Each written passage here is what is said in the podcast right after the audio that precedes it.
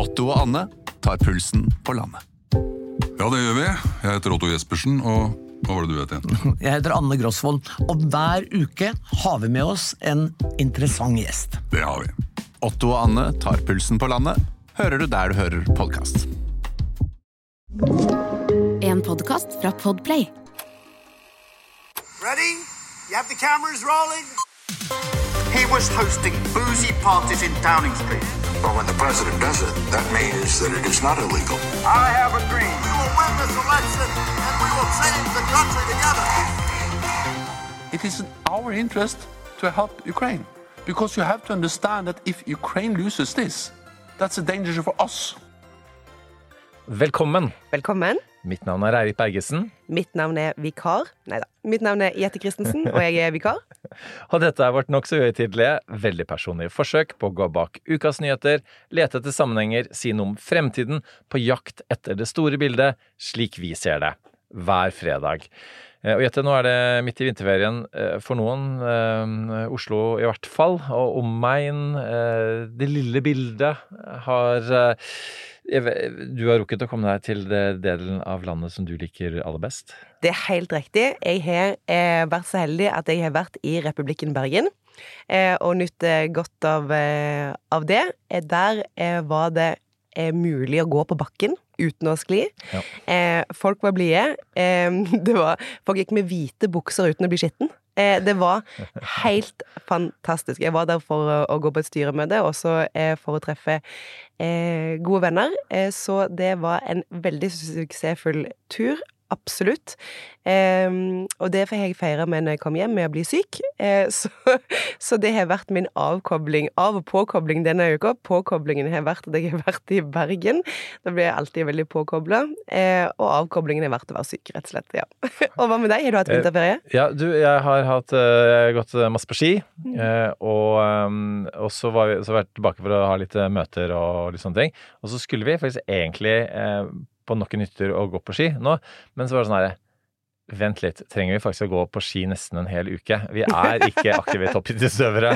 Ja, vi er liksom sånn herre i et sted i livet hvor man ønsker å holde seg veldig aktiv og bevise for seg selv at uh, vent litt, kanskje er jeg i min beste form noensinne. Uh, men uh, det får være måte på. Så nå blir det en rolig helg. Men det har eh, vært eh, mye, mye ski på, i veldig fine omgivelser og, og fint vær. Eh, Så det, er, eh, det trenger man. Godt å høre. Og da har jeg et lite tips til deg hvis du skal eh, ikke gå på ski. Og det er nemlig det at man snakker veldig ofte om at ting er i sesong, ikke sant. Matvarer er i sesong. En ting som du kanskje ikke vet at det er i sesong nå, er Twist. Twisten er i høysesong, og grunnen til det er at nå er liksom all juletvisten, den er gått ut, alle, den er oppkjøpt. Så den twisten du kjøper nå, den ferskeste twist det her er ikke spons, eh, men det er bare en eh, sterk fascinasjon av twist. Så hvis du noensinne i løpet av året skal spise twist, så er det mellom påske og jul. Så det er mitt tips til deg i helga. Du verden, det hadde et uventet kulinariske kulinarisk eh, tips. Så, Vær så god. Takk for det. Men Jette, nå vi, denne episoden her, så er eh, bare La meg ta aller først det, det jeg skal snakke om, og det er valget i South Carolina som er nå i helgen. Skal ta dere gjennom noen detaljer rundt det. Både Det er ikke så eh, overraskende hvem som kommer til å vinne der, men litt, litt hvorfor. eh, og, og hva det vil si for eh, det som skal skje videre i valgkampen. Og så har du hatt en veldig spennende prat med, med en gjest du er spesielt begeistret for. Det er helt riktig. Vi har vært så heldige at vi har hatt besøk av Mona Juel, tidligere ambassadør ved Norges delegasjon til De forente nasjoner, altså FN. Og det er jo veldig aktuelt nå, hennes erfaring, fordi nå eh, markerer vi jo for, for eksempel toårsdagen til storskalainvasjonen av eh, Ukraina. Eh, og den krigen, den har vi jo snakket om før, at det er jo en krig ikke bare om Ukraina, men om den verdensorden som har tjent oss vel etter andre verdenskrig, skal det lønne seg å bruke makt? Svaret må jo være nei.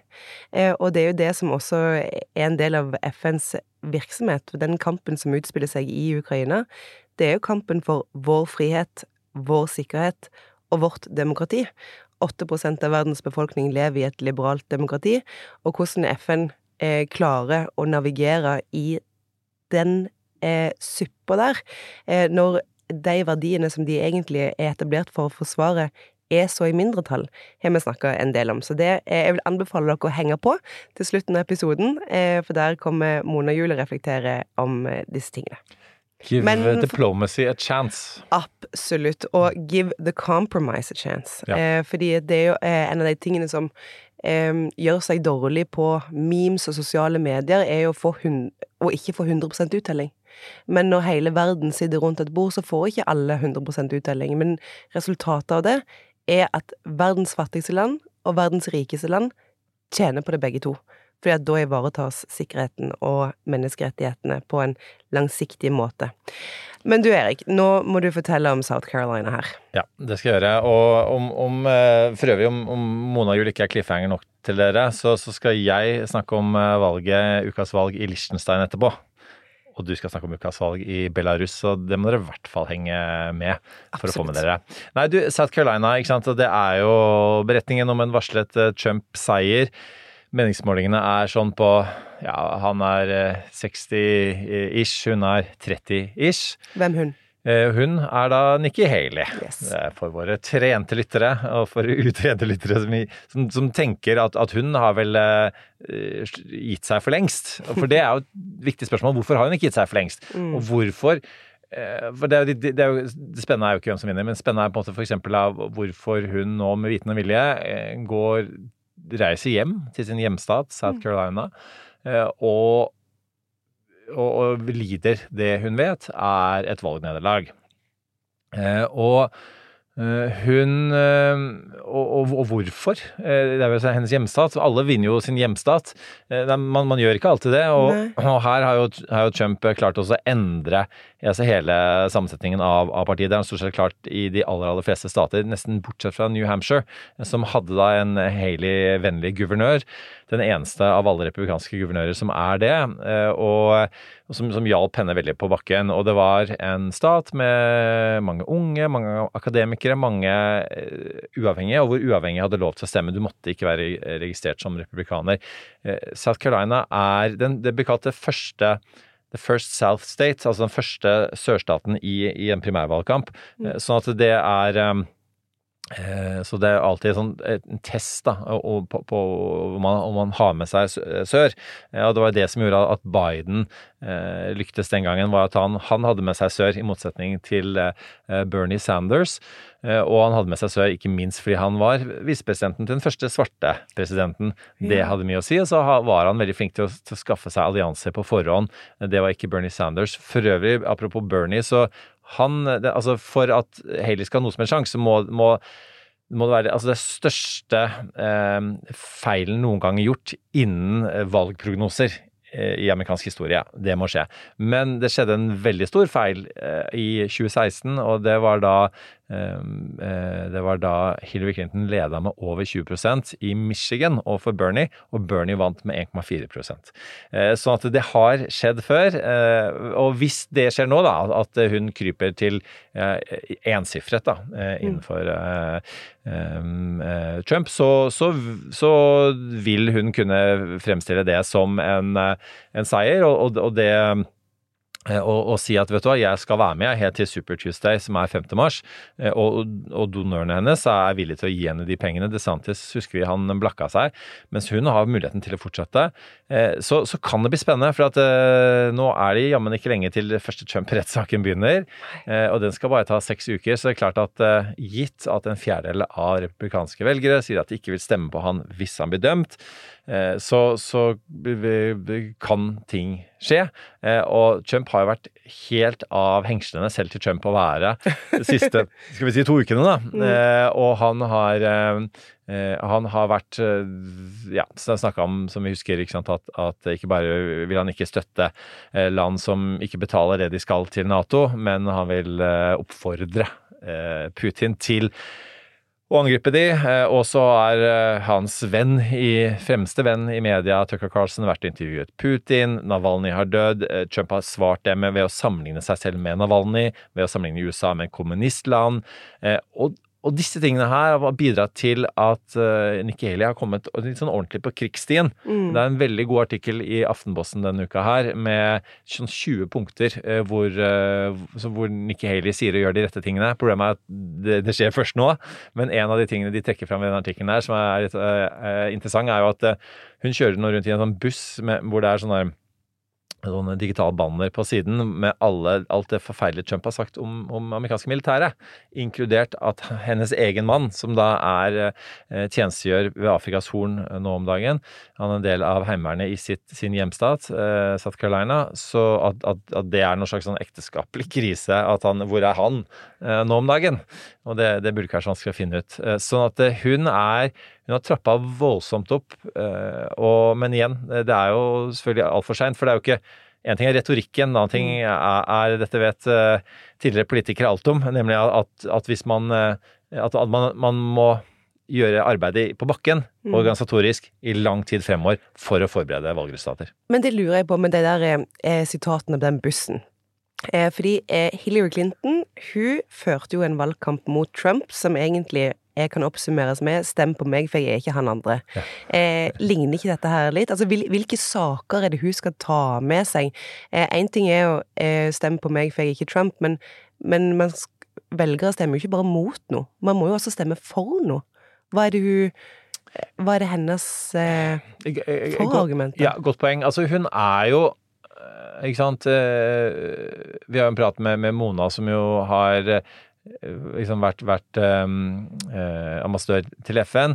Det har jo også Nikki Haley eh, for øvrig vært. Mm. Eh, og, og det er klart at uh, hun eh, Altså, hun representerer jo det, alt det gamle, egentlig, med, med partiet. Altså, hun Altså, hvis man Altså, når man sier 'make America great again', hvis, make the Republican Party great again, eller Mm. 'make them et eller annet de en gang var', hvis noen ønsker seg det, så er jo hun det.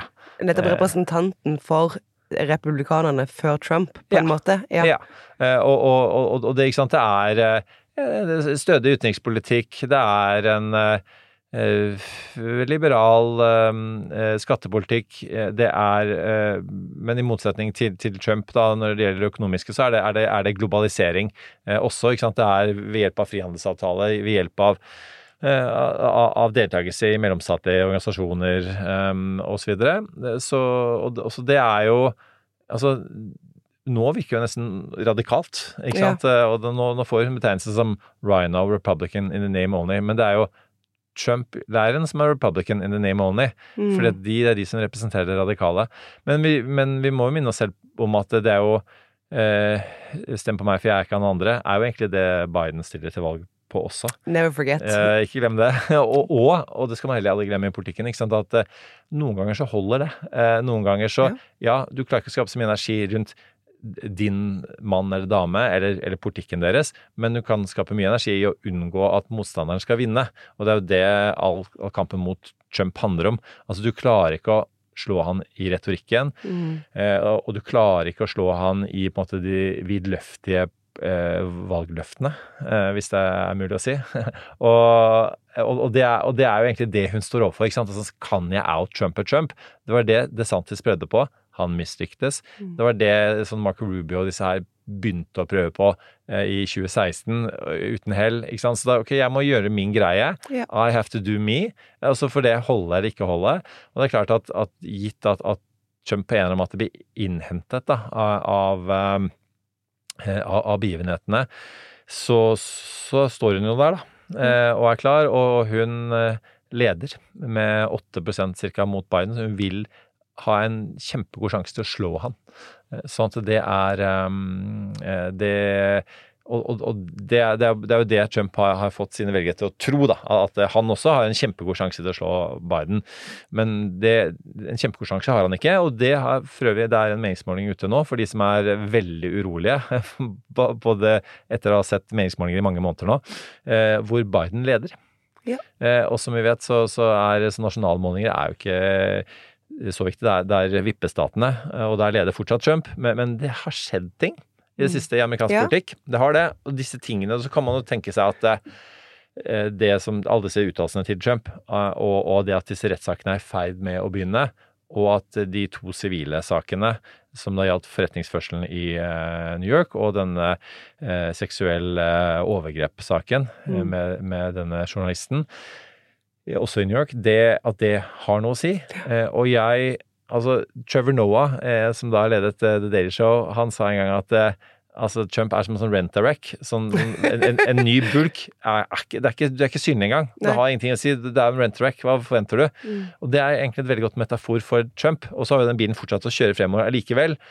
Eh, Men man kan se for seg at det er på et eller annet tidspunkt så er det noen røde linjer der. Og, og som kjent, eh, Trump tapte valget sist. Eh, Mm. Sånn at det var noen røde linjer for velgerne, tross alt. Sånn at eh, det kan se ut som alle disse samlede skandalene har begynt å tære litt på. Eh, så selv den enorme disiplinen som han har klart å fremtvinge eh, på sin side av politikken, eh, at, at den, det er ikke nok, da. Enn at vi skulle sitte her eh, og se håpefullt på USA, eh, og litt mindre håpefullt på situasjonen i vårt eget, på vårt eget kontinent. Ja. Eh, det hadde vi jo ikke trodd i starten av, eh, av året. Eh, det er jo, som vi nevnte, toårsmarkering for storskalainvasjonen i Ukraina. Eh, der er der lidd store tap på begge sider. Ukraina er tom for penger, de er tom for ammunisjon, eh, men de er ikke tom for kampvilje. Eh, og det er jo eh, der håpet kan ligge. FFI har sagt at det er tre sannsynlige scenarioer for situasjonen på bakken der. Det ene er en fastlåst krig, som bare står på frontlinja sånn som det er nå, fordi at nå har det jo vært litt stille rundt krigen i Ukraina. Ikke stille, stille sånn sett, men det er jo fordi at den står fast. Den står låst. Mm. Så et scenario er at den fortsetter å stå der. Eh, det andre scenarioet er en russisk fremgang ved fronten. Det avhenger jo av én ting. Hvor mye støtte klarer andre land og gi Ukraina, både militært eh, og eh, eh, fysisk.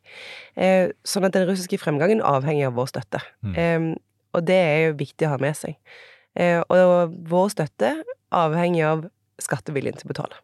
Eh, ikke bare vår i Norge, men, men alle, de, alle de andre landene som er avhengig av at de ekstremt slitne ukrainerne fortsetter. Fordi eh, de kjemper jo ikke for bare for sitt eget land, de kjemper for vår sikkerhet, vår frihet og vårt demokrati. Eh, og at det er de, de mest sledne eh, og sårbare folkene på hele kontinentet, at de ikke skal stå alene, det er vel veldig eh, viktig. Og den tredje eh, er en potensiell politisk endring i Russland. Hvis det blir en politisk endring i Russland, så vil det selvfølgelig forrykke krigen. Så er det jo sånn at Putin har jo ordna det ganske greit til for seg selv, at en politisk endring i Russland er veldig vanskelig å få til. Også fordi at eh, dessverre så er det jo sånn at propaganda virker jo. Eh, sånn at skylden for eh, konsekvensene av de økonomiske sanksjonene blir lagt på Vesten. Eh, grunnen til at eh, folk har mindre rutte med, eller, eh, eller at eh, det er pålagt økonomiske sanksjoner, eh, skylden blir lagt på eh, demokratiske land, ikke på sin egen ledelse som har invadert et fritt land. Eh, nei, nei, eh, skylden blir lagt eh, eh, på oss. Og så er det jo sånn, dessverre går det nesten an å si, er at overforbruket til eh, Putin for å overstimulere økonomien har jo gjort at den går bra. Eh, folk merker det ikke på lommeboka. Mm, mm. Eh, så, så det er den russiske eh, liksom hverdagslivet durer og går. Men eh, siden sist, altså sist vi gikk ifra hverandre, så eh, eh, nesten med en gang vi gikk ut av døra, så fikk vi jo nyheten om at Aleksej Navalnyj, Mm. som har via sitt liv til å kjempe for eh, et annet Russland, et Russland med frie valg, et Russland med eh, organisasjonsfrihet og et Russland eh, fritt for korrupsjon. Han via livet sitt til den kampen, og eh, forrige fredag ga han livet sitt til den Mm. kampen. Mm. Eh, sånn at et land som setter sin egen opposisjon i fengsel, som forgifter sin egen opposisjon, eh, det er veldig vanskelig å se for seg at de gjennomfører frie valg. Eh, og det er jo der eh, eh, og det bringer meg jo inn på ukas valg. Vi skal snakke om Liechtenstein. Jeg lover. Slap off. Eh, men, men ukas valg er jo i Belarus, og der er det jo litt eh, den samme situasjonen. De har riktignok ikke invadert et annet land, men de har jo Lukasjenko har jo eh, ført en krigføring overfor sin egen befolkning, særlig opposisjonen, som han eh, strukturelt har kasta i fengsel. Eh, over lang tid. Eh, Svetlana Tsjilovskaja, hun er nå leder av opposisjonen fordi mannen hennes, som var det før, er i fengsel. Eh, De skal nå gjennomføre et valg, eh, på samme måte som at Russland snart skal gjennomføre et valg. Og da er jo spørsmålet er det et valg. Fordi enken til eh, Navalny har sagt at hun på samme måte som Svetlana skal videreføre kampen og kjempe for eh, demokrati eh, og et, et annet styresett. Eh, og vi kan jo sitte her og være imponert av det, men eh, kan, vi kan jo gjøre litt mer også. Mm. Eh, og det å ikke kalle det som skal skje i Belarus for et valg, Mm. Eh, er jo en sånn ting. Fordi at når man skal måle eh, hva som er fritt og rettferdig valg, så er det en del parametere som man kan se på forka i forkant. Mm. Eh, og de parametrene ser man jo i Belarus, man ser det i Russland. Mm. Det er ikke et fritt valg. Mm. Men eh, nå er jeg spent på Liechtenstein, altså. Det Apropos frie valg. Yes. Nei, altså eh, som, som man vil vite, så er jo da eh, Liechtenstein en av fire land i EFTA, sammen med Island eh, og eh, Sveits eh, og, og Norge. Eh, og så er eh, Sveits da ikke med i EØS, så vi skal jo da sammen med, med Sveits og Unnskyld, vi skal da sammen med Liechtenstein og Island bestemme hele vårt sånn økonomiske og politiske forhold til til eh, EU. Og det, er jo da Norges storebroren, eh, for en gangs skyld. Eh, og så- men vi, det er nå satt opp sånn at vi kommer jo ikke utenom Liechtenstein. Jeg husker fra min tid på EU-delegasjonen i Brussel at eh, vi en gang innimellom eh, så innså at eh, vår avhengighet av Liechtenstein og, eh, og eh, ambassadøren eh, sukket og sa ja ja, får prate med fyrsten, da. For det er også et konstitusjonelt demokrati styrt av en fyrste. Og det er, det er ikke sånn som Norge er på en måte ledet av kongen i statsråd osv., eh, som er en eh, har, har på en måte, som vi vet, en, en viktig menneskelig eh, eh, faktor og, og, og sosialt og, og kan være med å påvirke ting. Men, men altså, eh, fyrsten styrer i Liechtenstein. Og folket ønsker det systemet. Eh, altså I 2003 så var det en folkeavstemning eh, om, eh, om en konstitusjonelle endringer som da styrket fyrstens makt over eh, folket sitt. Så folk, eh, og han, han, han har sånn her Hans Adam heter fyrsten, og han eh, holder til på sånn fjellknaus over Vaduz, hovedstaden. Og en av tingene han truet med for å få viljen sin her, da, var at han skulle flytte med familien til Wien. Eh, og eh, så, så Men det er, eh, er åpenbart eh, Vi må jo stole på folkeavstemninger. Et system som folk ønsker seg. Uansett hvordan den valgkampen gikk, så, så ble, det, ble det styrket. Og det er klart at det er jo ikke det vi helt kjenner. Dette er jo et land som eh, 1984 var det vel kvinner fikk stemmerett i det hele tatt. Og, og det er De var ble med i FN, som, eh, i og med at vi snakker om FN i dag, i 1990, det var. Så, og det er, eh, så de eh, og har vært prøvd å være nøytrale til, til ting. Ikke at de er jo tunge på vektskålen i noen som helst retning ved, militær konflikt uansett. Så, så men altså det Og jeg, jeg husker da Dette var også eh, i min tid på delegasjonen da det var finanskrise i verden. hvilken delegasjon? Nei, på, på EU-delegasjonen. Når jeg sier delegasjon, så er per default er det EU. Ja, Det er vennligst noter. Ja. så, så, så, så, så ryggmargen sitter, sitter midt oppå der. Nei, det var jo eh, altså det, det, det som jo ikke berørte Norge, men som berørte EU den gangen, og de aller fleste landene der, var jo finanskrisen. Og, det, og, og Island var jo nesten eh, var jo nesten konkurs, eh, og, og islandsk valuta var så skadeskutt at man på Island eh, tenkte vet du hva, kanskje vi er nødt til å bli EU-medlemmer. Eh, og hvis Island da hadde blitt EU-medlemmer Lang historie, da ville blant annet fått fiskerikommissæren, og da ville de vært på andre siden av bordet for oss. Da kunne vi måtte bli EU-medlemmer, vi også, faktisk. Vi er mens vi er tvunget til det. Hvorpå Frøy, en, en gammeltante i slekta Jeg prøver alltid å unngå å diskutere jeg vet ikke hvordan det er med deg, men politikk med, med slekt. Eh, ja. Det pleier å være fornuftig. Mm. på store sosiale sammenhenger. Men da kunne jeg meg ikke dy meg. Så, så når hun prøvde å bringe opp for n-te gang en EU-diskusjon, så sa jeg at ja vel, hvis Island blir medlem, så kan vi bli tvunget til å bli med. Hvis vi blir tvunget til å bli med, skal jeg i hvert fall stemme nei. Eh, og dette gjelder mange. Eh, så Ja, det er det jo, det òg, ass. ja. Eh, Men i hvert fall, da Det som ville vært konsekvensen av det, var at EØS ble eh, en multilateral organisasjon bestående av Norge og Liechtenstein. Og Ja. det er ikke en multilateral organisasjon. Det er knapt en organisasjon i det hele tatt. Det Ja, for der er det du og multi, forskjellen på de to. Ja. ja, ikke sant? Så da, det, er jo, det, det, er på, det er ikke en internasjonal organisasjon. Nei. Det er Norge og et lite fyrstedømme som vi ikke kjenner oss igjen i. Så, så det var den lange forklaringen på, på, på valget der. Altså Ellers er partiene er jo ganske sånn sentristiske. Er, jeg tror det er fire av de. Men, øh, og det er sånn øh, kristelig sentrisme. Kristelig-demokratisk sentrisme er vel, er vel en ganske bra betegnelse. Jeg, tror ikke det er noen sånne veldig ildfulle valgdebatter øh, der, som må heller ekstremt trente lyttere korrigere meg i kommentarfeltet. Sektoralarm presenterer Barn som lyver om nøkler. Jeg var ute og spilte fotball med gutta, da, og så la jeg nøkkelen i gresset, og så kom det en struts, da, eller en flamingo eller noe sånt, og bare tok nøkkelen, og så ble han borte, bare, nøklene og strutsen, eller spurven. Sikkert. Uansett, akkurat nå har Sektoralarm kampanje på boligalarm og dørlås med kode istedenfor nøkler, slik at barna alltid kommer hjem til en trygg bolig. Les mer på sektoralarm.no. Men nå, eh, Jette, så skal vi over til eh, din samtale med Mona Juel. Vi sier ofte at demokratiet er på vikende front, og det er ikke noe vi bare sier, det sier vi fordi det er sånn.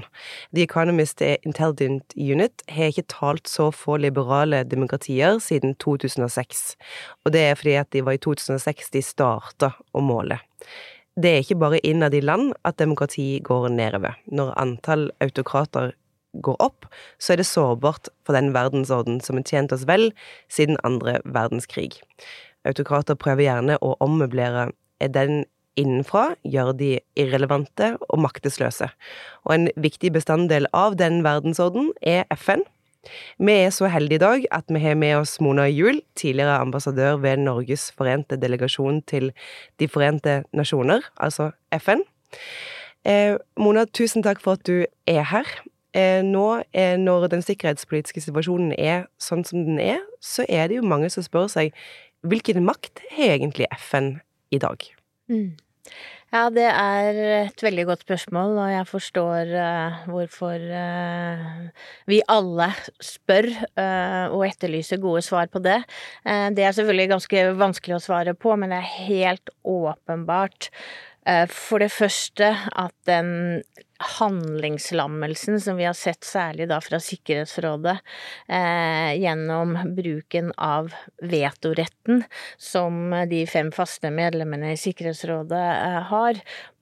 Russlands bruk av denne retten eh, for å forhindre vedtak i Sikkerhetsrådet i forhold til krigen i Ukraina, og vi har sett også da den senere tid amerikansk bruk av, av veto i forhold til en resolusjon og et vedtak om en umiddelbar våpenhvile i, i, i Gaza-krigen.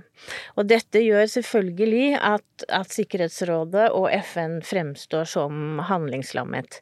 Men det er også da veldig viktig å tenke på én at Uh, Sikkerhetsrådet er ikke hele FN. FN består av veldig, veldig mye annet.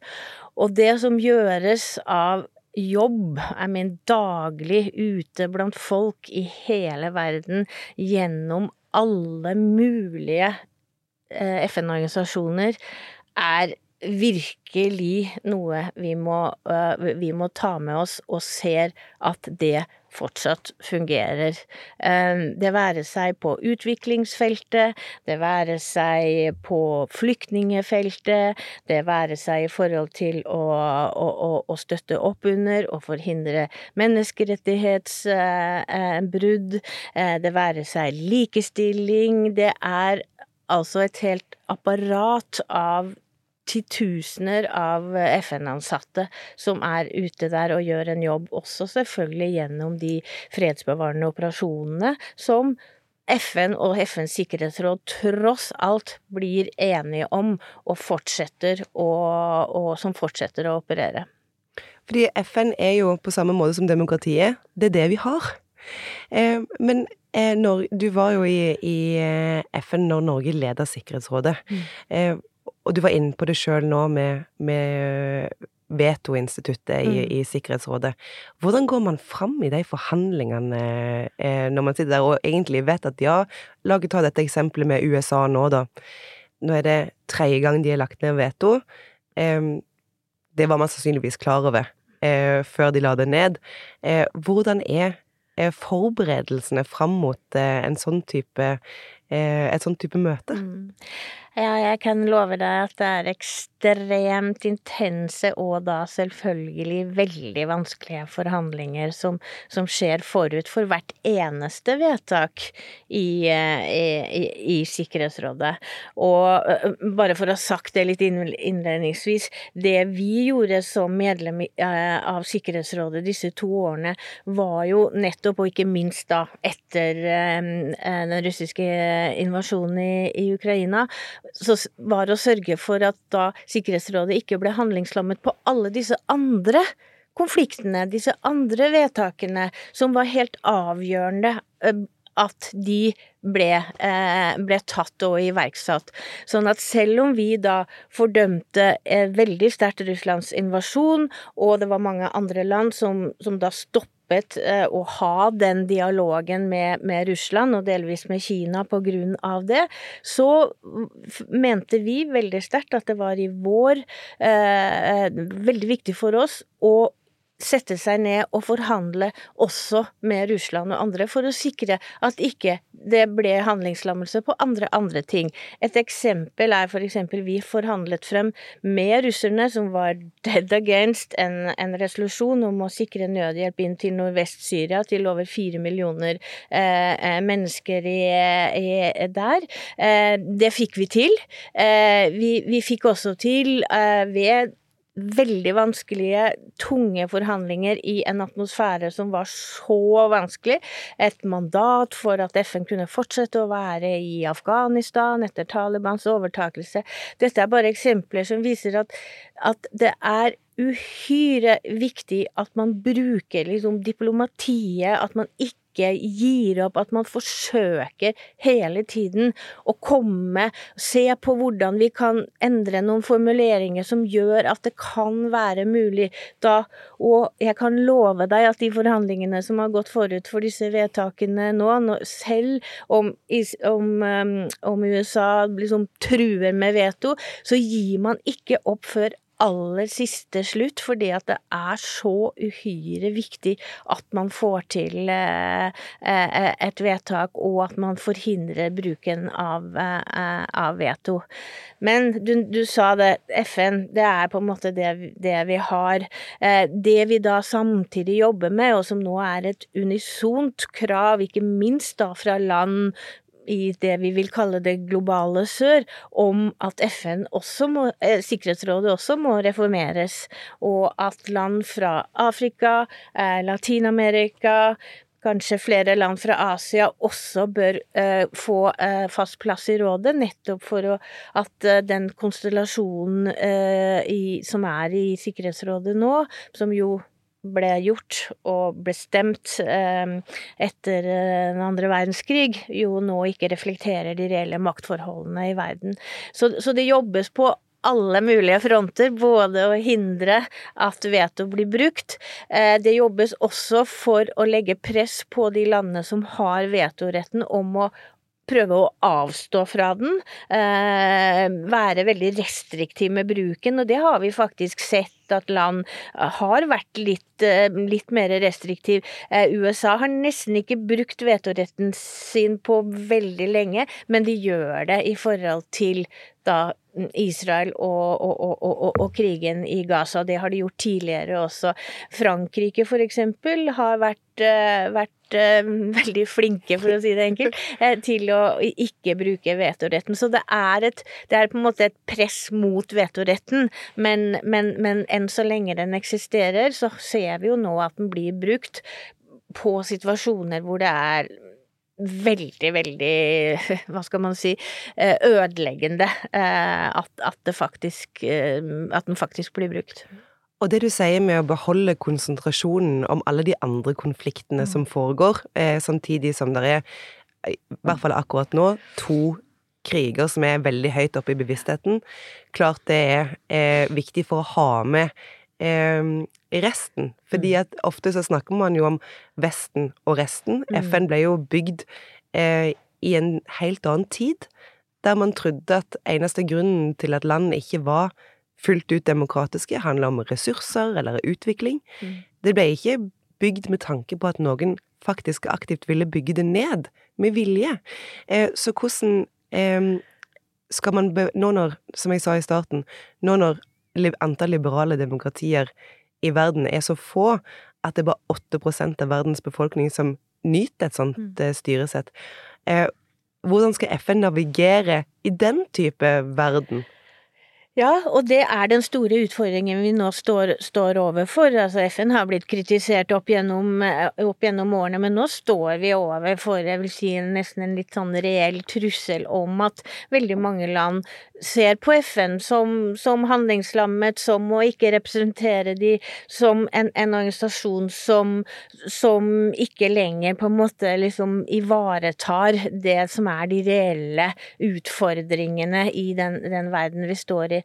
Og da blir det jo utrolig viktig at sånne land som oss Altså Norge, vi er helt avhengig av at et multilateralt system fungerer, at vi har en regelstyrt verden hvor det ikke er den sterkeste rett som rår, som vi da har nå sett eksempel på i forhold til eh, Russland og, og, og, Ukraina.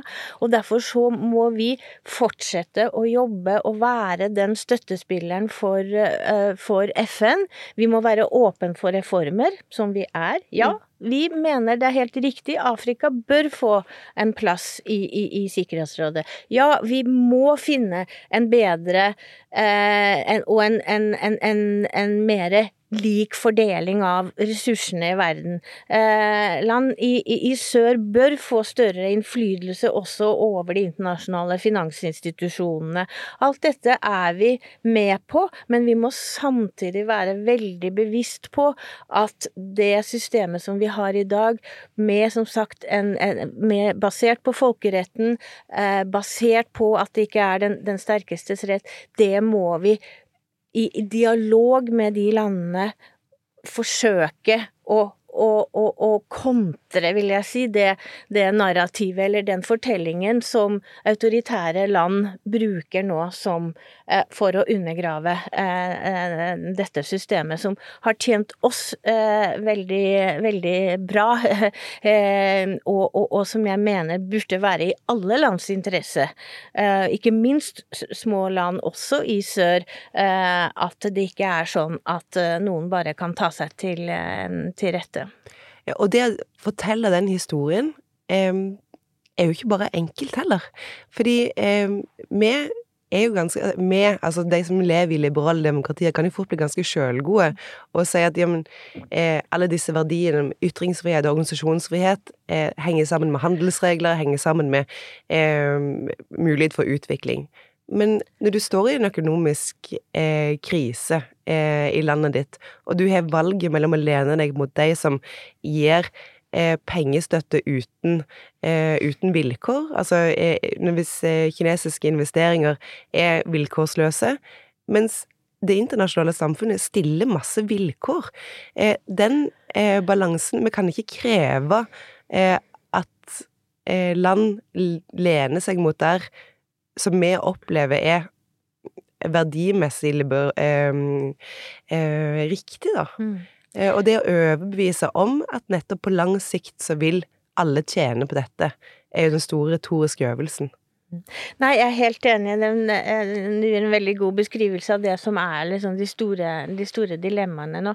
Men det er derfor det er så viktig at at vi, vi, har den dialogen, eller vi engasjerer oss på en måte overfor de landene, både ved å være lyttende til deres eh, helt reelle bekymringer og utfordringer, og se om vi kan, kan finne en, en måte å jobbe sammen om de, de utfordringene som, eh, som, er der, og at vi ikke kommer eh, med holdt på å si, flyr inn og forteller dem hvordan de, de, skal gjøre tingene, hvordan de skal stemme i FN, hvordan de skal, skal og, og, ha denne litt ovenfra og ned holdningen om at det er våre liksom eh, eh, verdier som er de viktigste. Det skal vi ikke kompromisse på, for det mener jeg faktisk er, er helt riktig. Men det er må måten vi gjør det på. Mm. Og det er der jeg mener da liksom diplomatiet, det diplomatiske håndverket, det at, at vi har,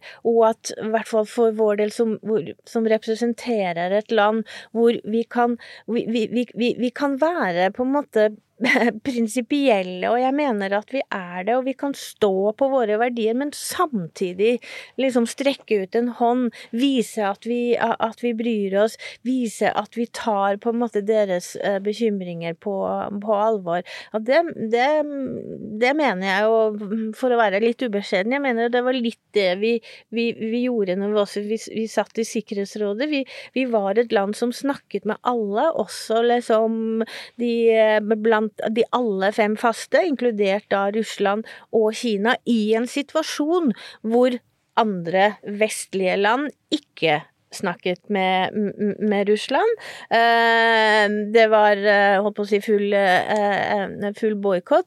Men også amerikanerne så det jo i sin interesse at vi snakket med dem, at, at, vi forsøkte å finne løsninger, da, som jeg nevnte, enten det var Afghanistan, eller det var på Afrikas Horn, eller det var i Myanmar, eller hva det skulle være. Det er kjempeviktig at vi ikke stopper stopper opp den, den dialogen. Eh, og, men, men, det er klart, det er litt avhengig. Hvis vi skal ha den rollen, så må vi ha litt troverdighet. Og da må, da må vi gjøre som vi sier. Eh, da må vi også være eh, eh prinsipielle, og, og, vi må, vi må eh, ha en måte å snakke snakke på uh, som, som, inngir på en måte tillit.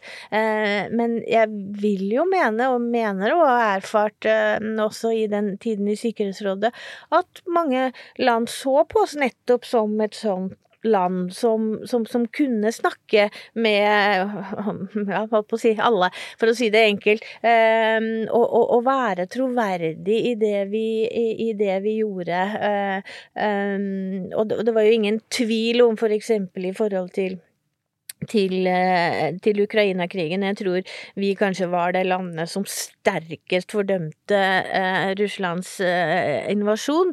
Vi viste til at Russland som en angripende part ikke burde eh, kunne nettopp nedlegge veto, fordi at de burde holde seg unna i en krig hvor de selv var part.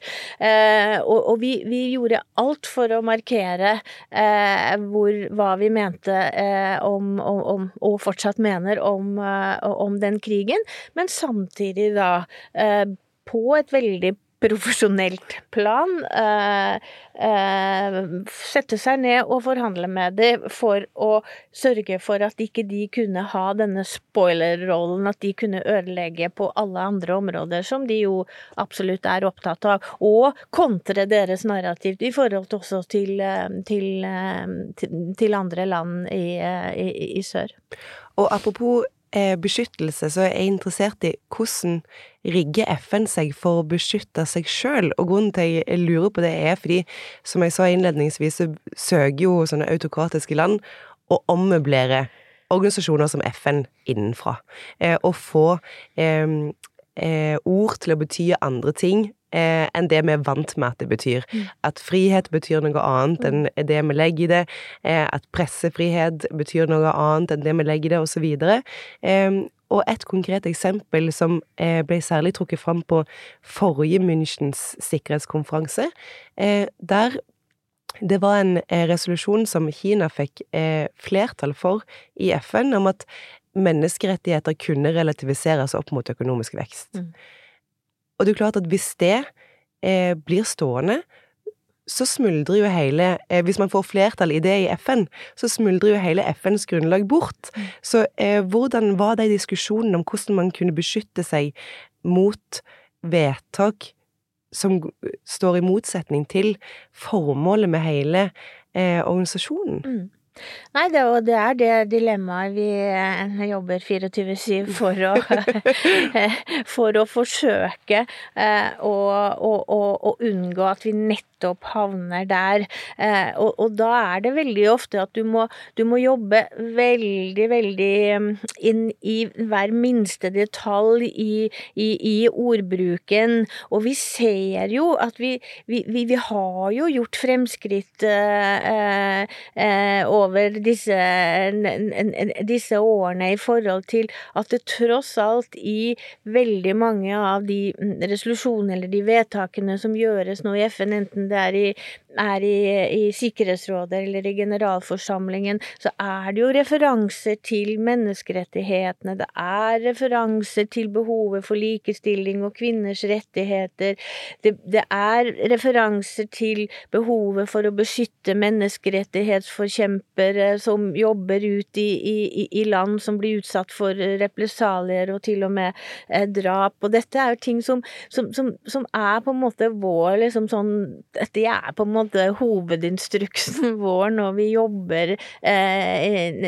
internasjonalt eh, og, og multilateralt, enten det er FN, FN i eh, i, eh, i New York, FN i Genéve med vekt på menneskerettigheter, eh, overalt hvor, hvor, hvor vi er representert, så er det å sørge for at den, litt den bunnplanken som, som menneskerettighetene eh, eh, utgjør, i, også i FN-pakten, for det, er, det, det står der. Så Mm. det er på en måte det å sørge for at det blir fortsatt eh, eh, både reflektert og ikke minst respektert, det er jo den dragkampen som vi, eh, vi står i til daglig. Og jeg vil jo si at vi, vi, vi, har ikke tapt den kampen, men, men, men den må kjempes eh, daglig i møte med, med da land som, som står for, eh, for en annen oppfatning enn en oss, og, og de utgjør jo absolutt flertallet. Så det, så det er jo derfor en enhver liten seier, enhver Om ikke et komma, men i hvert fall en ordbruk som på en måte dytter dette liksom litt nærmere der hvor vi mener det bør ligge, det, det er det grunn til å Om ikke feire, men det er grunn til å, å, å- legge, legge så mye jobb i det, fordi at vi nettopp må sørge for at det ikke kollapser, rett og slett. Ikke sant? Altså, kampen for demokratiet eh, skjer jo med bruk av komma, eh, og det gjør det jo fordi at kampen mot det skjer ved bruk av komma. Det skjer ved bruk av lovendring, små justeringer. Det er ikke de store invasjonenes tid, selv om eh, det er rart å si når eh, vi snart skal markere toårsdagen for eh, storskalainvasjonen av Ukraina, så er de aller fleste demokratiske reduksjoner skjer bit by bit. Eh, og du var inne på FN i New York. Det var der jeg møtte deg første gang, eh, når jeg var utsending fra, eh, fra Norge eh, der. Eh, em, og det å sitte i den salen og se em, land lytte til hverandre, få kjeft av hverandre, bli nedstemt, eh, det Opplevelsen av at det var en stor verdi, var ganske klar. Eh, fordi at det er ingen som går ut av salen, eller noen gjør det jo eh, hvis man skal markere, men, men eh, tradisjonelt så sitter man og hører på sjøl dine fremste meningsmotstandere, og det i seg sjøl må jo være en verdi. Men spørsmålet mitt når jeg nevner New York og FN, er jo FN eh, ligger jo i New York, og New York ligger jo som kjent i USA. Eh, hvordan eh, er forholdet til USA til FN? Mm. Eh, det er jo en multilateral organisasjon som eh, eksempel Donald Trump i utgangspunktet ikke er så voldsomt begeistra for. Eh, hvordan ser du på det? Ja, nei, det, det, det er igjen et, et, et, godt spørsmål og en, en, en, en ting som selvfølgelig det, det, er stor fokus på nå, eh, både i FN og i hele verden, det, forestående valget i, i, i USA. Eh, det vi jo vet, eller det vi erfarte uh, uh, da Trump satt med, med, med makta forrige gang, var jo at Eh, de trakk seg jo ut av sentrale deler av, eh, av FN-systemet, det være seg av ikke minst eh, klimaavtalen, UNESCO, MR-rådet, altså Menneskerettighetsrådet, mange ting, og absolutt var en, en etter vårt skjønn lite konstruktivt i forhold til å bidra til at det multilaterale systemet og FN eh, i, i, i, i, New York eh, um, De bidro i hvert fall ikke til å styrke FN i, den tiden. Eh, men, men, hvor man så at da det, det, det, altså det ble jo ikke noen noe store katastrofer av det, og, og, det viset jo at det er litt eh, hva det heter, resilience i, i, i, i systemet også. Mm. Eh, men det, det, var jo stor bekymring for, for, nettopp om de også til og med skulle på en måte kutte bidragene, altså i, stort monn. Og de er jo den største bidragsyter, så det, det, ville jo ha fått veldig store konsekvenser hvis de faktisk hadde gått ned på, på, på de finansielle bidragene, og det, det, skjedde jo ikke i noe særlig stor grad. Så det er nok en, en, en viss bekymring eh, for at det skal, skal skje igjen. Og det har jo tatt kanskje litt tid for Biden-administrasjonen å på en måte komme tilbake. Eh, men, men, de har jo absolutt eh, på en måte snudd om på, på mye av den politikken som den da Trump-administrasjonen sto for. Eh, så det, det, blir jo spennende, interessant og viktig også for FN hva som skjer ved, ved valget i, i, USA, helt åpenbart. Jeg bare fikk lyst til å knytte en kommentar til det du, det du sa om dette med at alle sitter og, og, og, og hører på. Det, det, det, er bare så utrolig å minne om at, at FN er så unikt nettopp ved det. Altså, det er alle verdens land. Og for eksempel også Sikkerhetsrådet, selv om det er 15 medlemmer, så er liksom stormaktene, det er liksom de som sitter rundt der, eh, må sitte og høre på eh, hverandre. Altså daglig. Eh, altså Russland, USA, eh, Kina, USA, de vestlige land, og da Vi valgte i, i, perioder, da. Eh, men, men og, og, det tenker jeg eksempel under, under Ukraina-krigen, altså etter, etter, invasjonen da for nå, to år siden, så tror jeg vi hadde opptil 50-60 møter om Ukraina i Sikkerhetsrådet, hvor vi belyste alle mulige sider, og hvor, hvor Russland måtte sitte sitte og høre på den, den fordømmelsen av, av, det de gjorde, hvor Ukraina fikk komme til orde i hvert eneste møte og fortelle sin historie, holdt jeg på å si, og, og, og, og russerne sin.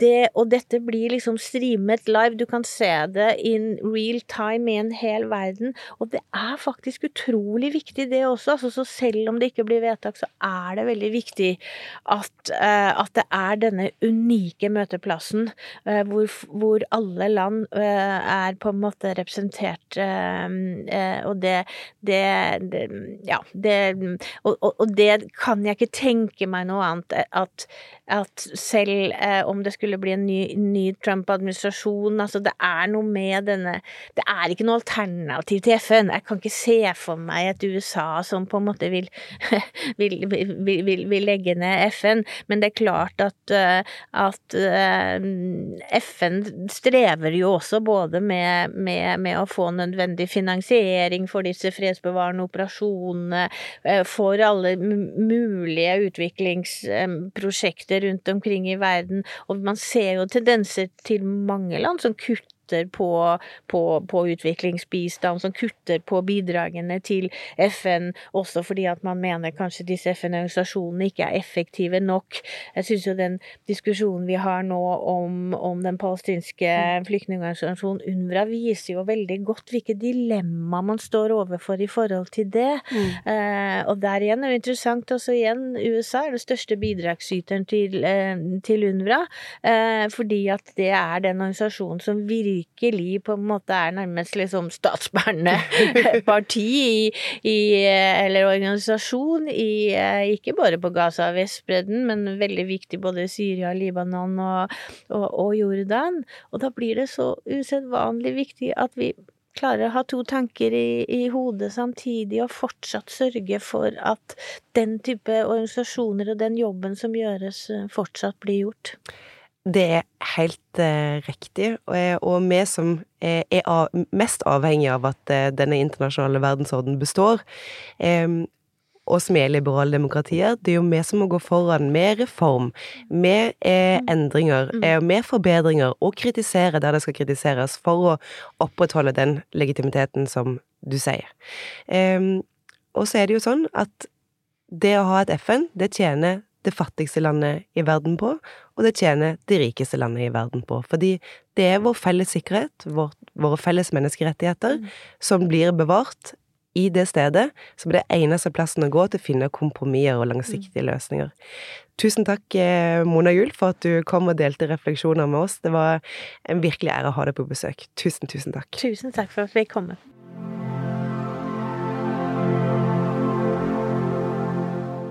Ja, ukas av påkobling. Jeg må innrømme at jeg er helt i USA-land i hodet. Det, og det irriterer meg veldig, faktisk. For at uh, da Trump gikk av, holdt jeg på å si Det gjorde, det gjorde han jo ikke. Men uh, han, eh, han koblet seg ikke av. Han var fortsatt påkoblet, eh, det som skjer med amerikansk politikk. Men da, da byttet jeg ut eh, alle disse podkastene med lydbøker, så jeg gikk eh, skitur i marka og hørte uforholdsvismessig mye lydbøker, eh, og det hadde jeg ikke gjort på en stund. Så det var utrolig deilig, men nå er dessverre, nå har de lagt litt til side. Eh, Så jeg tenkte jeg skulle benytte anledningen til å tipse om, om noen podder, for jeg vet at mange av dere hører eh, på, på ikke bare på Trump-tirsdag, men amerikanske podder om amerikansk politikk.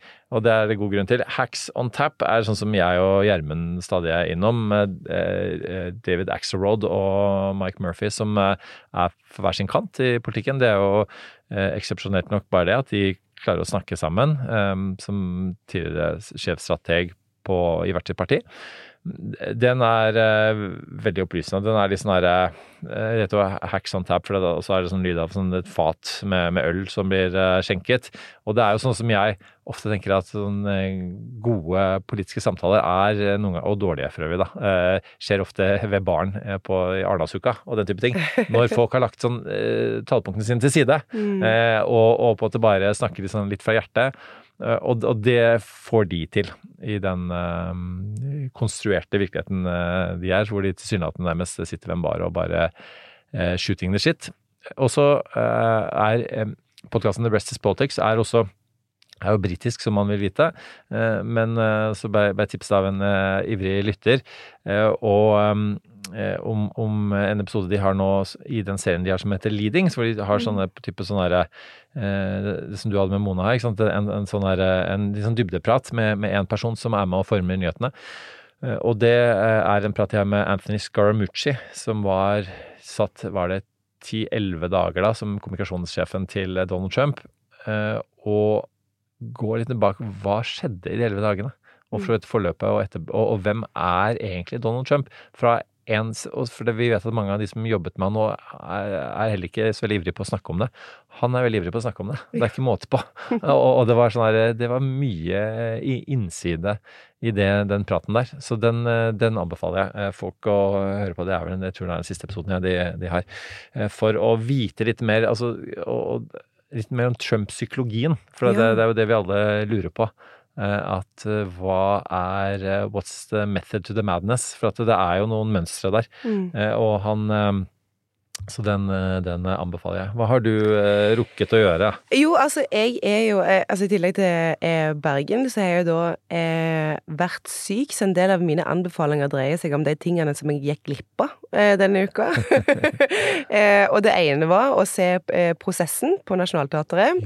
Eh, og der spiller jo hun eh, vår venninne. Eh, som- Friend of the pod. Ja, som eh, Katrine. vært- Katrine som har vært på besøk, som spilte Gro i Makta. Ja. Hun spiller i eh, en oppsetning Hun eh, spiller vel Josef K, faktisk. Det er helt riktig, Kvinne som Josef. K. Hvem hadde tenkt? Eh, så den eh, røyk, så den var en liksom tentativ påkobling for meg, ja. Eh, og så eh, er også håndtering av udøde, eh, som er en norsk regissør som heter eh, Thea Mundsland, eh, som har lagd. Eh, den gikk jeg glipp av, eh, men eh, anbefaling av bok eh, er Steve Richards' eh, bok som heter The Rise of the Outsiders. Den er fra 2017. Den er veldig god og forteller om de politikerne som later som de ikke er politikere, som later som de er noen andre. Ja. Eh, for å markere avstand fra seg selv. Og det er jo litt interessant Altså, det er veldig interessant eh, opp mot Trump, men det er også interessant eh, overfor det norske politiske landskapet. Det er stadig oftere så hører vi eh, politikere omtale kollegene sine som politikerne, eh, og hvilke implikasjoner gir det. Så den er, veldig god. Amerikansk journalist som skrev den boka. Eh, og så Spennende. Den skal jeg, den skal jeg få lese. Det og så Ja, eh, du kan låne den av meg. Eh, jeg skal ta den med neste Ja. gang. Og så er, er jo jeg litt eh, eh, smal når det kommer til eh, hva jeg liker å se på internett, og da eh, er det jo tilbake Jeg er jo veldig glad i å se, se på konferanser på internett. Så jeg har ligget sjuk og sett Ja. på Münchens sikkerhetskonferanse. Ja. Eh, Og det, det ligger ute, eh, og det anbefaler jeg virkelig. Eh, Der går det jo an å gå inn og ta de bolkene man er opptatt av, men der, der ser man jo de sikkerhetspolitiske diskusjonene utspiller seg in real time. Zelenskyj satte jo et panel der som var veldig interessant. Eh, Hillary Clinton eh, var også i et, i et panel der. Hun har blitt professor på Columbia University siden sist, Mm. og, og hadde litt sånn, derre- litt sånn akademisk uh, syn på utviklingen i USA som var, var, var spennende. Så jeg, jeg har sett, sett noen av de, jeg har ikke som deg, ligget under dyna med laptopen oppå fanget og uh, sett meg gjennom. Slutt å kjenne meg!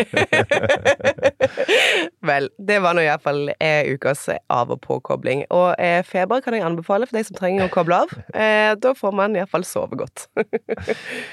Tusen eh, eh, takk til alle som, eh, som har lyttet, og som Gjermund ville sagt, eh, anbefale oss, rate oss, eh, snakk høyt i eh, familiesammenhenger, f.eks. nå i vinterferien, om at eh, dette er verdt å få med seg, selv om man kanskje er uenig med det ene og det andre som blir sagt. Eh, så det er, eh, det fint å kunne ta opp en del ting på en litt andre eh, som andre i media ikke snakker om, og på litt andre måter enn media snakker om, tenker jeg. Absolutt. Tusen takk for at dere hørte på. Riktig god helg, og husk Twist, det er i sesong. That's enough. Put down the mic. Du har hørt en podkast fra Podplay. En enklere måte å høre podkast på. Last ned appen Podplay, eller se podplay.no.